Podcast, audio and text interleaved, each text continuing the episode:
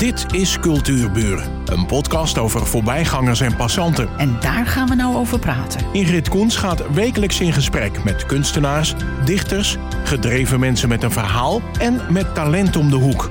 Vandaag gaat ze in gesprek met. In de studio tegenover mij zit Eugenie Herlaar. Nou, dat was erg leuk, want het eerste wat ik aan haar vroeg: kun je me even een CV sturen? Toen kreeg ik vier pagina's en die stonden vol. Ik ben er diagonaal doorheen gegaan, Eugenie, sorry. Maar heb er een paar leuke dingen uitgeprikt. Dat natuurlijk wel, hè? Dat natuurlijk wel. En uh, ik kwam ook dingen tegen die ik niet van je wist. Is ook wel weer leuk natuurlijk. Uh, dus we beginnen gewoon. Ja, bij het begin zou een beetje pijnlijk zijn. We noemen geen leeftijden. Maar um, ik noem even, even de dingen die ik er uitgehaald heb, waar ik heel erg door gefascineerd raakte. En dat was, je hebt kennis van oude kostuums. Daar wil ja. ik meer over weten. Je bent medeoprichter van Schrijvenswaard, de dichtclub uh, in uh, Herugewaard. Uh, je was coördinator van de stichting Op Verhaal komen in Herugewaard. En die beschrijving die daarbij stond, die vond ik eigenlijk we hebben het dan over tot 2010. Die is van deze tijd, hè? Dat zou best nog. Zullen we daarmee beginnen? Is goed. Ja. Kun je even uitleggen, een stichting op verhaal komen in Herugowaard. Wat hield dat in? Nou, uh, je had vanuit de provincie, uh, gos, vraag me niet meer hoe het heette, maar er was een afdeling die vond dat uh, in, in de provincie wat meer ja, laat ik zeggen, contacten. En vooral voor ouderen of mensen die eenzaam waren, dat die wat werden opge. Nou ja, opgebeurd. opgebeurd ja, en ja. in gang werden gezet. En ik had contact met de coördinator van de provincie. En nou ja, van het een, ik wil een heel lang verhaal kort maken. Uiteindelijk heeft het erin geresulteerd dat wij in Heergewaard ook een afdeling op verhaal komen uh, hebben opgericht. En uh, daarin hebben we een oproep geplaatst naar mensen die het leuk zouden vinden om aan elkaar uh, verhalen te vertellen uit hun ervaring. En er was steeds één persoon die de leiding had van die. Dus we hadden een groepje uh, mensen die bij de provincie een cursus hebben gevolgd daarvoor. En uh, we hadden dus een aantal uh, dagen en een locatie waar men kon komen om ja, met elkaar te praten. En er was steeds een thema, gaven we aan. Nou, we zaten wisselend met zes tot acht personen. En uh, die dan de eerste keer vertelden wie ze waren, waar ze vandaan kwamen.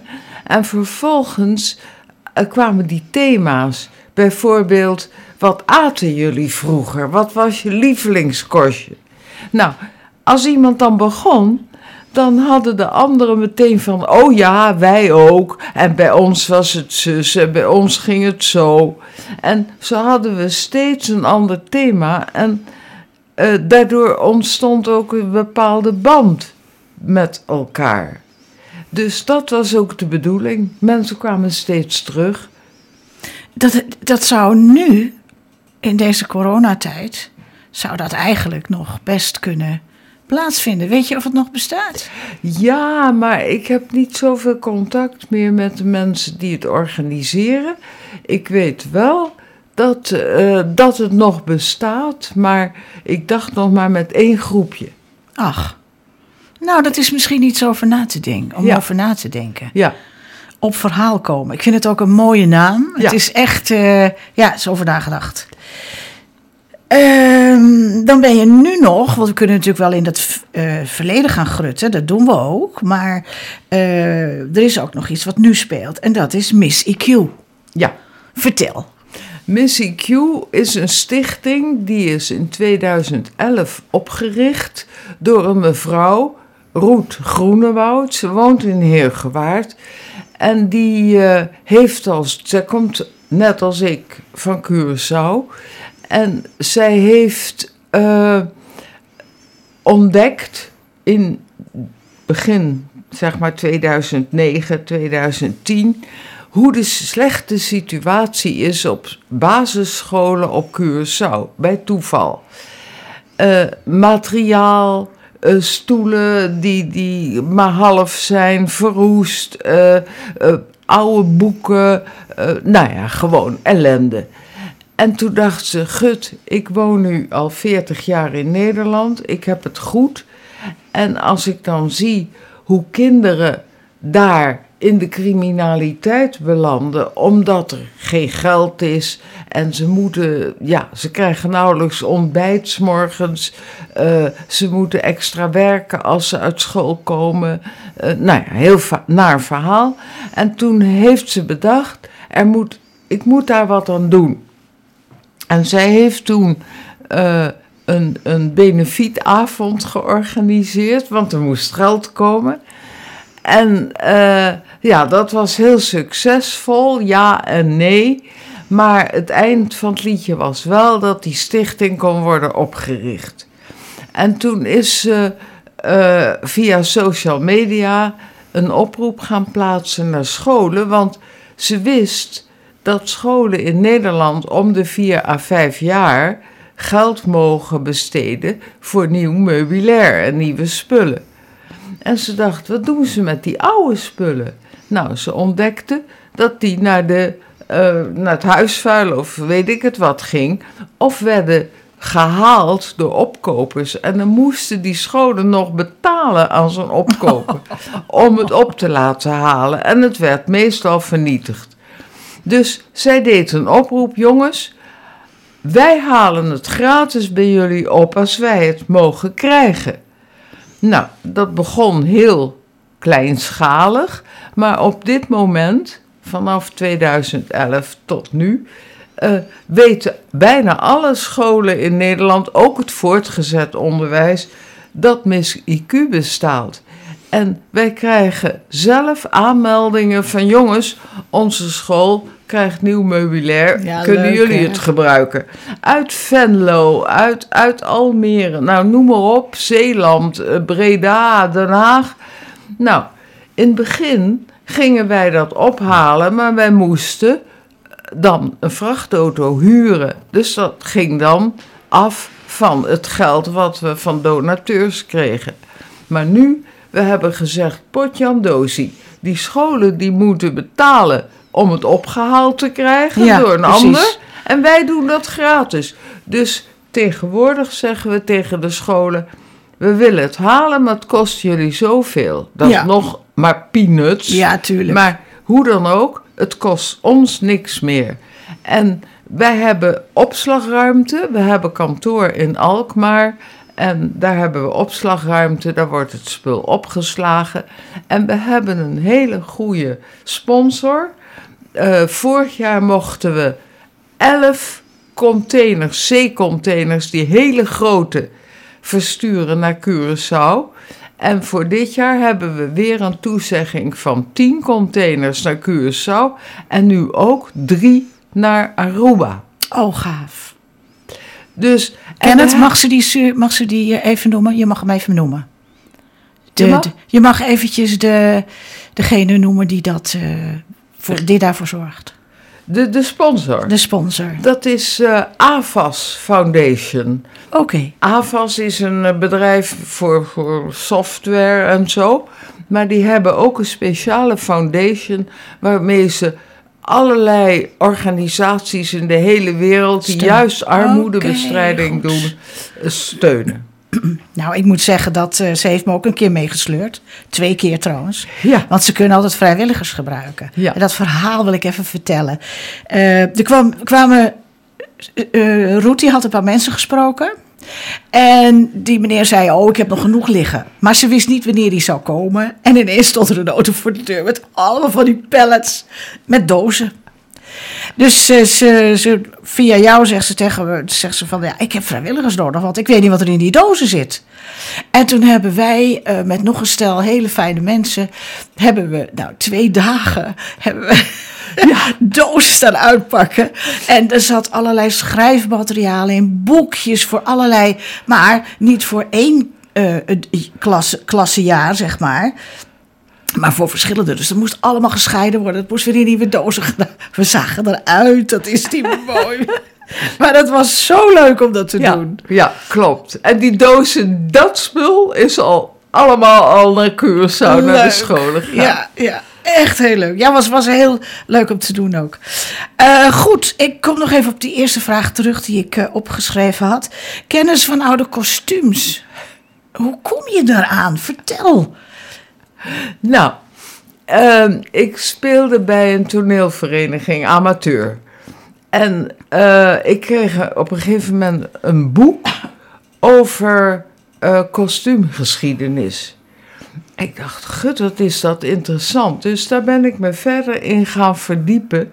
Meer boeken aangeschaft. Dus op een gegeven moment wist ik heel veel van uh, hoe kostuums zijn ontstaan en, en over ontwerpers. En, maar vooral kostuums uit vorige eeuwen.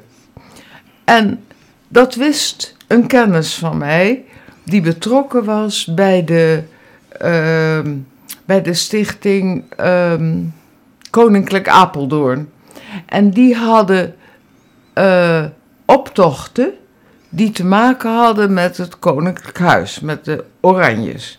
Zoals de intocht van Lodewijk Napoleon in, wanneer was het? Ik weet niet zo gauw, 18 zoveel. Ja. En uh, zij hadden iemand die uh, een beetje autoritair was, moet ik zeggen. En beweerde alles van de kleding te weten. Want die mensen in die optocht moesten in authentieke kleding uit die tijd. En we zijn toen naar een kostuumverhuurder in Den Haag gegaan met die autoritaire man. Maar die kennis van mij nam mij ook mee. Dus we kwamen daar en in een hele chique toestand. We zagen geen kleding. Uh, uh, en hij vroeg die eigenaar wat we nodig hadden. Nou, die autoritaire man die zei: Nou, uh, een, een jurk uit de, uit de Ampire, tijd. Nou, hij knipte met zijn vinger en er ging iemand een ruimte in en er kwam een japon terug. Ik dacht, dat is geen Ampire. Dus ik heel ik zei, nou, ik weet niet of die de juiste japon heeft meegebracht, maar dit is geen Ampire. Dus die man die keek me aan, zo van, oh, wie ben jij eigenlijk? Enfin, we hebben beleefd afscheid genomen. En uh, de voorzitter van die stichting Koninklijk Apeldoorn, die zei van, gos, dat je dat durfde. Ik zei, ja, die man die, die beweert van alles. En ik weet een verhuurbedrijf wat veel goedkoper is. En dat is maskerade bij ons in Heergewaard. Nee, dat meen je niet. en hij dacht, ja, dat kan ze nou wel zeggen. Dus ik zei, weet je wat, komen jullie een keer naar maskerade en dan kun je zien wat die hebben. Nou, het was een wereld van verschil. We kwamen daar en daar zeiden de dames toen we binnen waren, zullen we eerst een kopie doen? Oh, heerlijk. Ja, nou, wij aan de koffie. En toen uh, zei die voorzitter, maar we willen wel wat zien. Nou, loop maar mee. En Eugenie weet de weg. Dus uh, we mochten in die hele ruimte en zelf graaien en doen tussen die kleren. Dus die man stond echt door te kijken van, huh? Nou ja, en het bleek nou tien keer goedkoper. Dus voor die intocht van Lodewijk naar Podium hebben wij de kleding gebruikt van, heb ik aangegeven wat nodig was, dankzij mijn kennis van die kostuums. En uh, de jaren daarna, de volgende optochten, heb ik ook iedereen aangekleed. Wat leuk. Ja. Dus jij hebt Herengewaard op de kaart gezet? Ja, ja. nou, dat was ook dat, uh, jaar, dat nare jaar met die aanslag. Oh. Ja, ja, dat was heel, heel akelig. Maar goed, dat is een ander verhaal. Ja, ja, ja. Nee, ik snap het. Um, dan heb ik nog een leuk verhaal. Tenminste, jij hebt een leuk verhaal. Dat heb je mij, uh, ik denk een maand of drie geleden verteld. En dat zag ik voor me. En ik heb helemaal meegeleefd met wat er gebeurde. En dat zijn de mediameiden. Ja. ja. Um, Gossie, dat is heel lang geleden. Oh, uh, laten we eerst even vertellen hoe jij bij de televisie bent gekomen. Want dan komen we vanzelf bij de mediameiden uit. Ja, ja. nou, dat is... Uh, ik vertelde al dat ik bij een toneelclub was. Nou, dat was in de tijd dat ik uh, werkte bij de uh, BPM, een dochter van de Shell in Den Haag, op kantoor als seismisch rekenaresse. ja, dat was vanuit mijn belangstelling. En maar ik speelde toneel en, en uh, ik, ik, ik was heel creatief. Ik zat bij Mignon, de jeugdomroep van de AVRO. En op een gegeven moment dacht ik, nou, ik heb al dat gereken wel gehad. Ik ga solliciteren naar iets anders. En toen kwam ik terecht bij Philips in Baren, de grammofoonplatenindustrie. Nou, dat was al veel creatiever. Ik moest, ik was voor het merk Fontana verantwoordelijk voor de achterkant van de mooie hoezen die toen bestonden. En uh, ook daar weer toneel en mignon en uh, ziekenomroep. En toen dacht ik wel bij de radio. En toen heb, ben ik advertenties gaan bekijken. En toen was er een advertentie van de NCRV. En die vroegen een omroepster, die moest 25 jaar zijn. Maar ik was 23 en iedereen schatte mij altijd ouder. Dus ik dacht, als ze me zien. Maar nee hoor, ik kreeg een keurige brief. De verantwoordelijkheid die de omroepers hebben tegen, jegens de luisteraars vereist een oh. minimumleeftijd van 25 jaar. Nou, toen kwam er een advertentie van de Wereldomroep voor een omroepster. En dat was de minimumleeftijd 23. Dus ik dacht, nou, dan maar bij de Wereldomroep. En daar heb ik uh, al hele ingewikkelde tests, want je stem moest geschikt zijn voor de korte golf en dan weet ik veel wat. Enfin, ik ben er aangenomen. Ik heb daar allerlei soorten programma's gedaan. Commentaar, nieuws, uh, reportages, uh, interviews, van alles. Dus een hele goede leerschool. Maar bij de Wereldomroep, mijn collega's, die hadden allemaal een snabbel, een bijbaantje bij de Binnenlandse Omroep. En ik dacht, god, dat vind ik ook leuk. Maar ja, wat? En in die tijd was de televisie een mannenwereld. Uh, er waren wel, begon heel voorzichtig met wat omroepsters. Maar dat was alleen maar aankondigen. En je had Mies Bouwman, dat was een heel apart af, ander verhaal. Maar bij nieuws- en actualiteitenrubrieken was het alleen maar mannen. En het journaal had ook in die tijd, want er was nog geen video en al die dingen meer, dus dat was alleen Nederland. Dus ook de huishoudbeurs, het nieuwe kapsels, de nieuwe mode, al dat soort typisch vrouwelijke onderwerpen werden door mannen gepresenteerd. En toen heb ik in een dolle bij een brief geschreven naar het journaal: dat soort vrouwenonderwerpen wil ik wel dan presenteren of inspreken. Ik had geen idee hoe het ging, maar goed. Ik werd uitgenodigd ik moest een cameratest doen. Ik zei, ja, maar dat mag niet, want dat mag ik niet van de wereldomroep. Ja, maar het hoort bij de procedure. Enfin, ik heb van alles gedaan. En de wereldomroep... Oh, toen kwam mijn stem. Ik moest elke keer een briefje invullen van... ik moet, ben gevraagd en dat mocht dan. En mijn stem kwam in het journaal. Niet in beeld. En de kranten hoorden ineens een vrouwenstem bij actualiteiten. Ik dacht, hé. Hey. Dus het kwam in de krant. En toen werd de wereldomroep boos. Ik moest stoppen of ik werd geschorst. Ach. Ik dacht, ja, het is wel mijn inkomen. Dus ik gebeld naar het journaal van jongens, het mag niet meer, daar en daarom. En toen zeiden ze, solliciteer maar bij ons, want we willen je graag hebben. Ah, dat is leuk. Dus, dat is leuk. Ja. Zodoende was je de eerste. Ja. Goed, mediameiden. Nou, uh, ik zei het al, er waren omroepsters, maar ehm, je had Karin Kraaikamp. Ze is inmiddels overleden. Maar goed, uh, ruim 30 jaar geleden begon zij uh, met. Nee, je had de Oude Jongensclub. Die bestond. Dat was een soort sociëteit van de mannen die bij de televisie werkten. En in een gesprek met een van die mannen werd gezegd dat jullie niks doen met de meisjes. Nou, goh, ze, ja, dat is wel een idee. Dus hij stelde voor oude meidenclub. ja, ze, ben je gek. Dus het werd de Gouden Meidenclub. Kijk. En dat waren alleen omroepsters. Want Karen was dat zelf ook.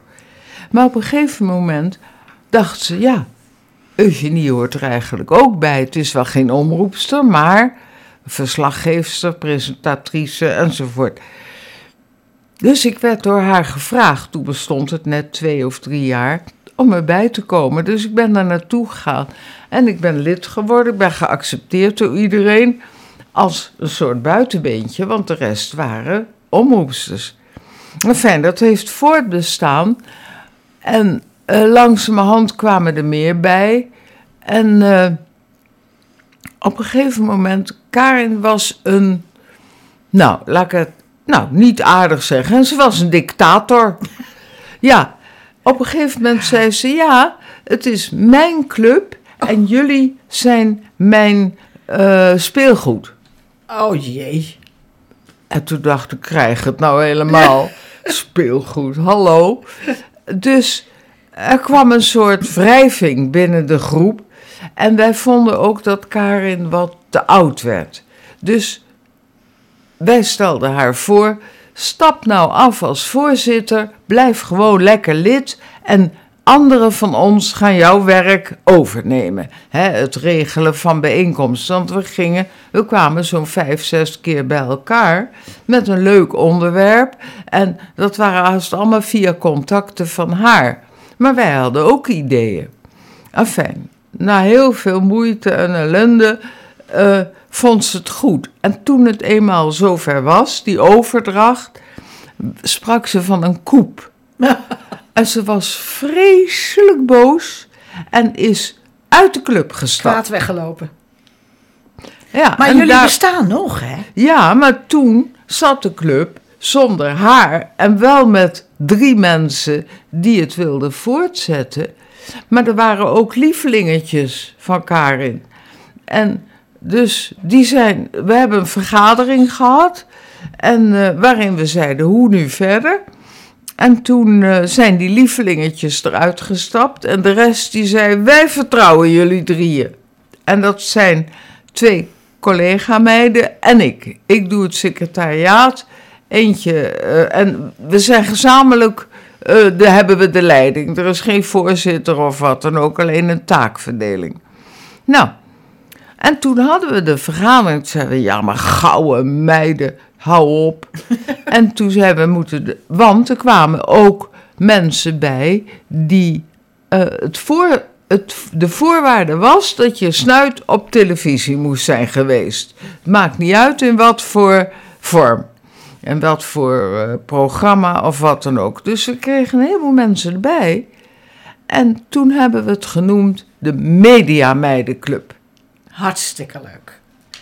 Uh, en dat is tien jaar geleden uh, veranderd. Oké. We zijn nog lang niet klaar, maar de tijd is om. Want ik wil nog even zeggen dat je ook schrijft. Je schrijft verhalen en gedichten.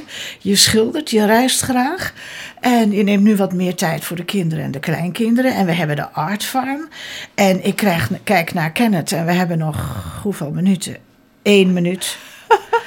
Uh, ja, ik heb het vaker dat ik denk, we moeten er een vervolg aan, knopen.